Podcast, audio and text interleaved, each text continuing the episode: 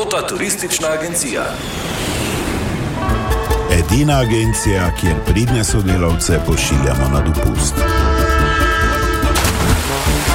Tako Dejan in Andrej, oziroma Andrejan, sta na dopustu skupaj, ampak eh, seveda službeno. Ja, servus. Ja, zdravo. Ja, kaj pa te? torej, ja, res je.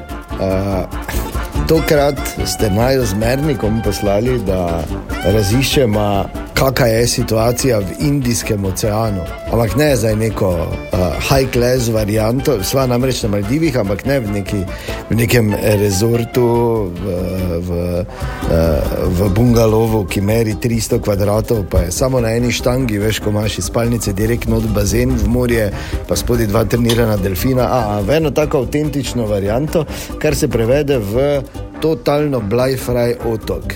Tu je edini uh, alkohol, je, če slučajno pripelje neka ladja, uh, ki dol prodaja, pa, pa, pa nima stika z tlemi, drugače pa. Ampak vse ni bistveno. Bistveno je to, da je, svoje, če greš tako, se je že začelo super na Dunaju. Uh, ko smo v avionu dve uri sedeli, pa leteli, pa se sploh premaknili, nismo dve uri smo stali na tleh čakali noter, ker uh, en knof ni delal, no in za razliko od radia, kjer recimo urednik ni kaj ekstra pomemben, je očitno kopilo toliko pomemben, da če mu ne dela gum za komunikacijo, da pač dve uri vsi čakamo, da mu to popravijo. Na kar smo seveda prišli.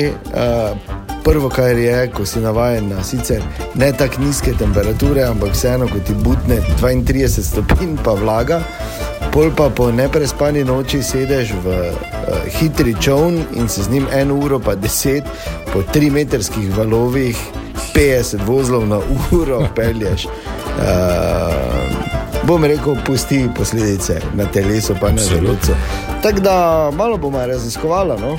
Okej. Pa bomo malo kaj poročali, Super. kaj se dogaja. Kaj ste vi? Vre, Vre? Ja, Tako ja. mi dva, ne? Ja, sej. Ja, kje pa je mernik?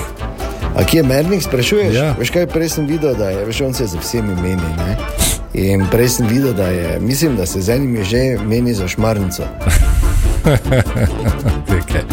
Če pa tam najde mernik šmarnico na Maldivih, pa, res ne vem.